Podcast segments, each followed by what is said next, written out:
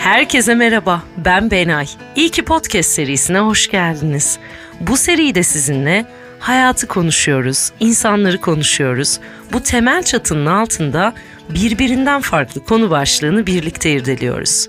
İlk bölümleri dinleyenler gayet iyi biliyorlar ki biz yaklaşık iki yıl önce İstanbul'dan İsviçre'ye taşındık. Bu taşınma sürecinde yaşadıklarımızı ve göç psikolojisini ilk bölümlerde irdelemiştim. Sonrasında da uzun yıllardır İsviçre'de yaşayan insan kaynakları direktörü olarak çalışan sevgili arkadaşım Müge Gebet'la çok keyifli bir sohbet gerçekleştirdik.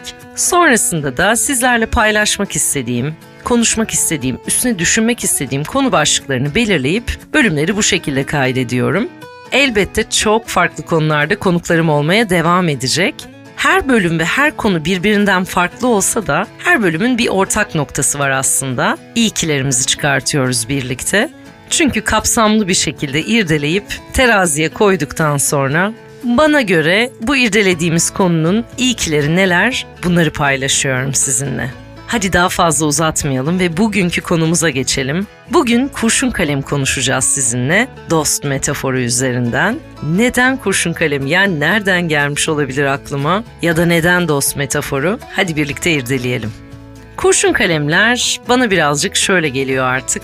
Hani böyle unutulan, artık eskisi gibi anlaşamadığımız, koptuğumuz, yerine başka şeyler koyduğumuz eski bir dost gibi aslında. Hani böyle mutlaka kalemliğinizde durur ama böyle ilk elinize attığınız yani ilk aradığınız o değildir artık. Ama önemli günlerde de mutlaka yanımızdadır bu eski dost. Bir sınava gireceksek mesela baş kahramandır kurşun kalemler. Hayat sınavlarında da çoğu zaman yanımızda olan eski dostlarımız gibi. Bir diğer tarafıyla da kurşun kalemin böyle huzur veren çok tanıdık bir kokusu vardır. Yine bir eski dost gibi aslında.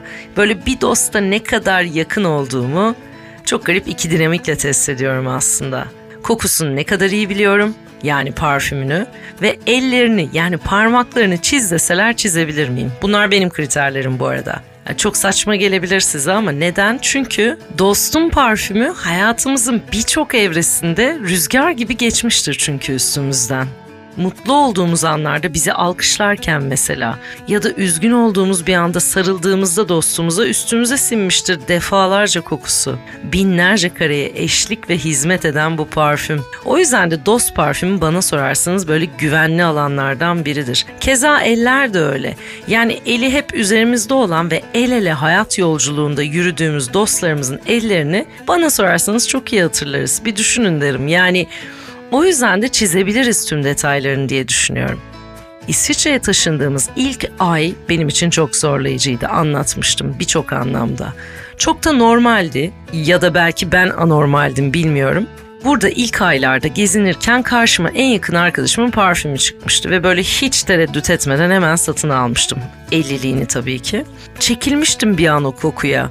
Almıştım ve direkt koluma sıkmıştım. İşte güvenli alandaydım. Yani garip hissettiğim o anlarda bir dost parfümü hatırladığım tüm güvenli duygulara eşlik etmişti aslında. Bu teknolojik çağda tabii ki dostlarımız hani günde böyle dilediğimiz kadar mesajlaşabiliyoruz, görüntülü konuşuyoruz. Bunlardan bağımsız bir durum tabii ki anlattım. Sonrasında da birkaç ay sonra İstanbul'a gittiğimde hemen arkadaşıma yani asıl sahibine hediye etmiştim o parfümü parfüm yani aslında kokular benim için çok önemli büyük çatıda ama koku konusunu ayrıca işleriz tabii ki. Bu hayatta sizi anlatan, sizinle uyumlu bir parfümünüzün olması bana sorarsanız çok önemli. Çünkü parfümle birazcık böyle anları satın alıyoruz gibime geliyor. Yani geçmişe dair yaşadığımız bir anı ya da gelecekte içinde olacağımız bir kareyi, bir anı satın alıyor olabiliriz. Kimin nasıl bir anısı olacağımızı bilemeyiz diye bir laf vardır ya. Böyle her şeyimizi unutsunlar ama kokumuzu asla bence. Konuyu çok dağıtmadan kurşun kaleme dönmek istiyorum. Yeteri kadar dağıldı zaten farkındayım. Peki kurşun kalem kokusu nerelere götürüyor sizi? Yani kurşun kalemle hemhal olduğunuz o anları düşündüğünüzde, hatırladığınızda hangi kareler canlanıyor zihninizde? Ben mesela birçoğumuz gibi öncelikle boyumuz kadar test kitabı çözdüğümüz o dönemlere, o yıllara gidiyorum. Sonra kara kalem çalıştığım, yani daha çok çalıştığım dönemlere gidiyorum. Kurşun kalemin o haz veren sesi eşlik ediyor bana. Sonra mesela bir diğer çok yakın arkadaşımla yaptığımız seyahatlere gidiyorum. Küçük bir defter ve kurşun kalem eşliğinde başımıza gelen komik olayları karikatürize ederdik ve çok eğlenirdik çok. Ya da tiyatrolara uzanıyorum böyle yine küçük bir defter ve kurşun kalemle hoşuma giden cümleleri, anları, kelimeleri not ederdim.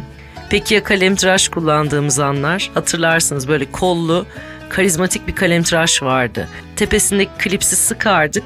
Sonra o kalemi soktuğumuz dişli bölümü açılırdı. Kalemi oraya sokardık, çevirirdik kolu. Alt tarafındaki kaba dökülürdü açtıklarımız. Acayip sivri uçlu kalemler açabilirdik onunla.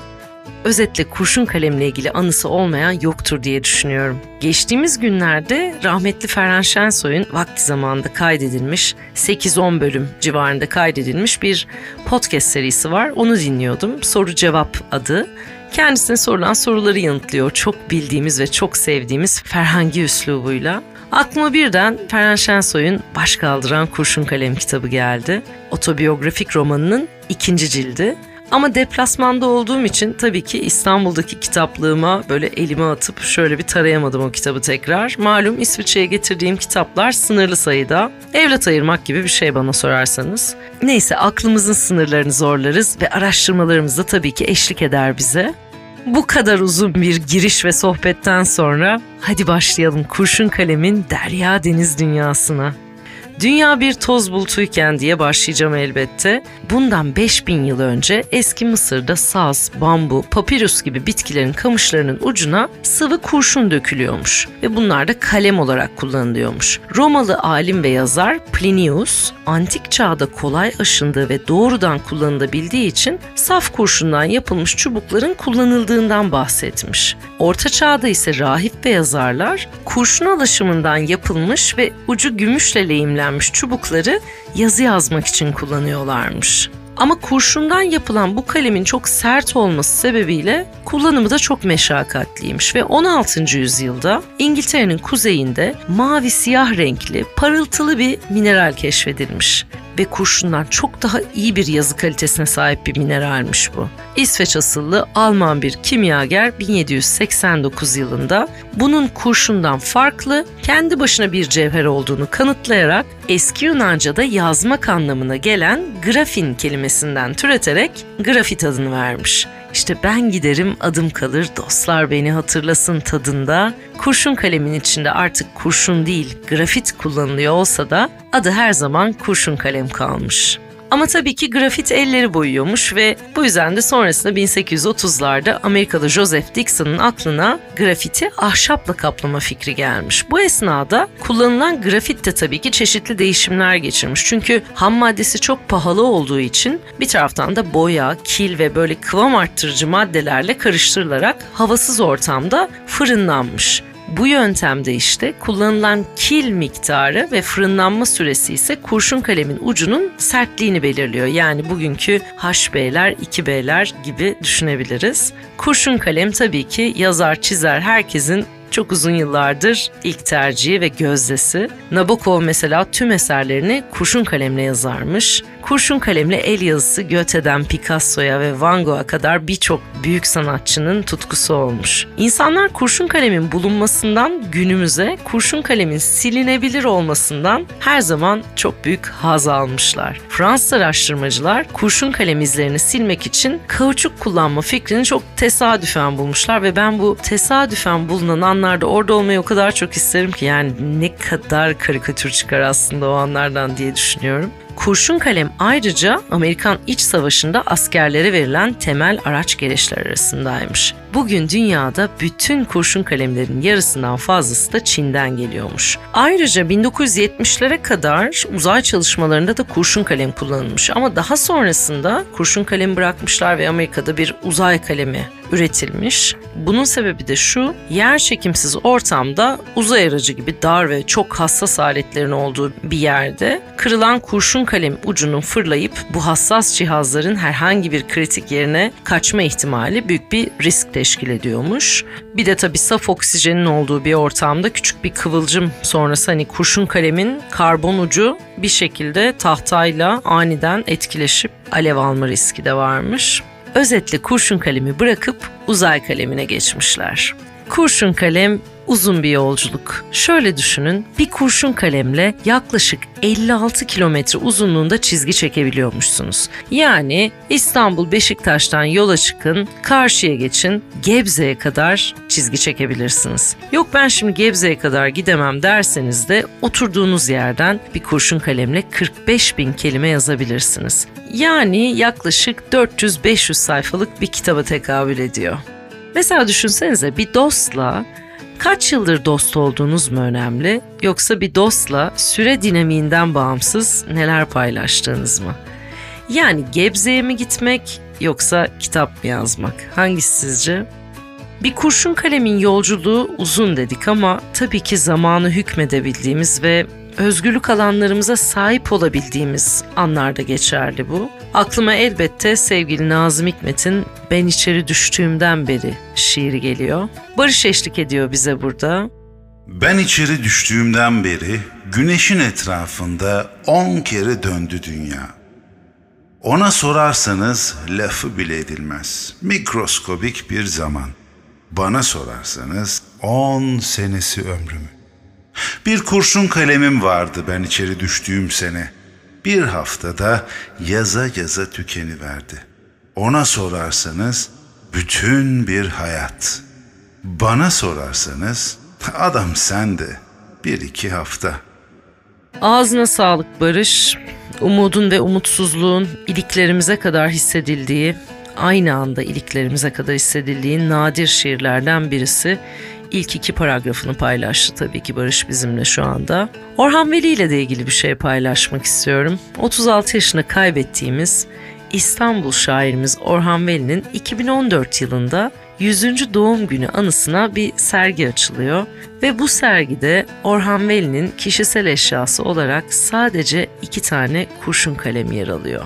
Orhan Veli'de durum böyleyken Amerikalı yazar Henry David ise Walden Gölü kenarında iki yıl vakit geçiriyor, ortaya Walden isimli kitabını çıkartıyor. Ve bu kitabı hangi kalemle yazıyor biliyor musunuz? Babasının Boston yakınlarındaki kurşun kalem üreten fabrikasında kendi tasarladığı kurşun kalemle yazıyor. Hayat enteresan özetle. Paulo Coelho'nun yazdığı bir hikayeyle devam edelim. Artık sonra da iyikilerimize geçeceğiz zaten. Bu hikaye bir dedenin kurşun kalem üzerinden torununa verdiği hayat dersini anlatıyor. Dede torun birlikte vakit geçiriyorlarmış. Dede çalışma masasında bir şeyler yazarken çocuk dedesinin yanına geliyor ve dedeciğim benimle mi ilgili yazıyorsun diyor. Dedesi de hem evet hem hayır aslında diyor ve ne yazdığımdan çok aslında bu elimdeki kalem daha önemli diye cevap veriyor çocuğa. Çocuk da kaleme bakıyor kurşun kaleme ve diyor ki hani farklı bir şey göremiyorum normal bir kalem bu aslında diyor. Dedesi de diyor ki bu kurşun kalemin, elimdeki bu kurşun kalemin 5 tane özelliği var ve hayat yolculuğunda bu 5 özelliği hayat felsefen olarak benimseyebilirsen her zaman mutlu olursun diyor. Birinci özelliği kağıda baktığında kurşun kalemin neler yazdığını görüyorsun değil mi? Unutma ki kalemi tutan bir el, bu eli yönlendiren bir kudret var. Sen de hayatta harika işler yapabilirsin ama unutma ki seni yöneten bir yaratıcın var. İkinci özelliği kalemin ucu körelmeden ucunu açmak için ara sıra yazı yazmayı bırakmak gerekir. Bu aslında kalem için çok acı verici bir durum gibi görünüyor. Ama sonrasında kalem çok daha keskindir. Senin de başına acı verici olaylar gelebilir. Sakın hemen üzüntüye kapılma ve pes etme. Çünkü bu seni çok daha iyi ve güçlü bir insan haline getirir. Üçüncü özelliği kurşun kalemle yanlış bir şey yazdığında bunu silmek için bir olanağın vardır. Sen de yanlış yaptığında bunları telafi etmeye çalışmalısın. Yanlış bir şey yaptığında bunu düzeltmek için çabalaman, adalete giden yolda kalmana yardımcı olur. Dördüncü özelliği, kalemin işlevini gören kısmı dışındaki tahta ya da onun rengi değildir. İçindeki kurşun kısmıdır. Sen de her zaman dış görünüşünden çok içindeki cevherin farkında olmalısın. Yalnız burada ufak bir araya gireceğim. Kurşun diyor fark ettiyseniz. Yani bir anda içimden bunu grafit diye düzeltmek geldi bu bölümün sonuna doğru. Gelelim beşinci özelliğine kurşun kalemin. Kalemin her hareketi kağıt üzerinde bir iz bırakır. Sen de yaptıklarınla hayata güzel bir iz bırakmaya çalış. Güzel yazmış. Katılırız, katılmayız. Bir bölümüne katılırız, bir bölümüne katılmayız. Artık o bizlere kalmış bir şey. 30 Mart Dünya Kurşun Kalem Günü, 30 Temmuz ise Dünya Dostluk ve Arkadaşlık Günü. Farklı aylarda olsa da aynı tarihte kutlanıyor. Bir ortak nokta daha bulduk. Gelelim bu bölümün ilklerine. Öncelikle aça aça bitiremediğim, ömrü ömrüme denk bütün dostluklarıma iyi ki demek istiyorum. Kurşun kalemle yazılan her şey bir süre sonra silinebiliyor.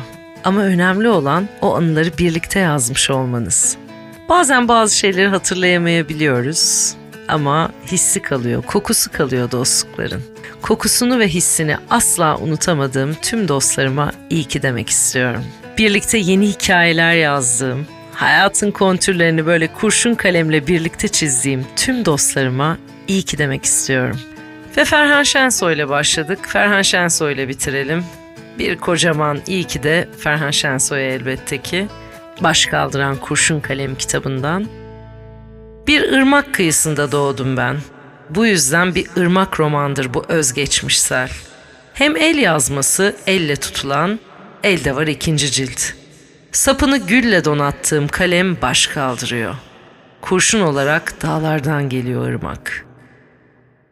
İyi ki geldiniz. Instagram'da iyi ki podcast hesabını takip edebilirsiniz.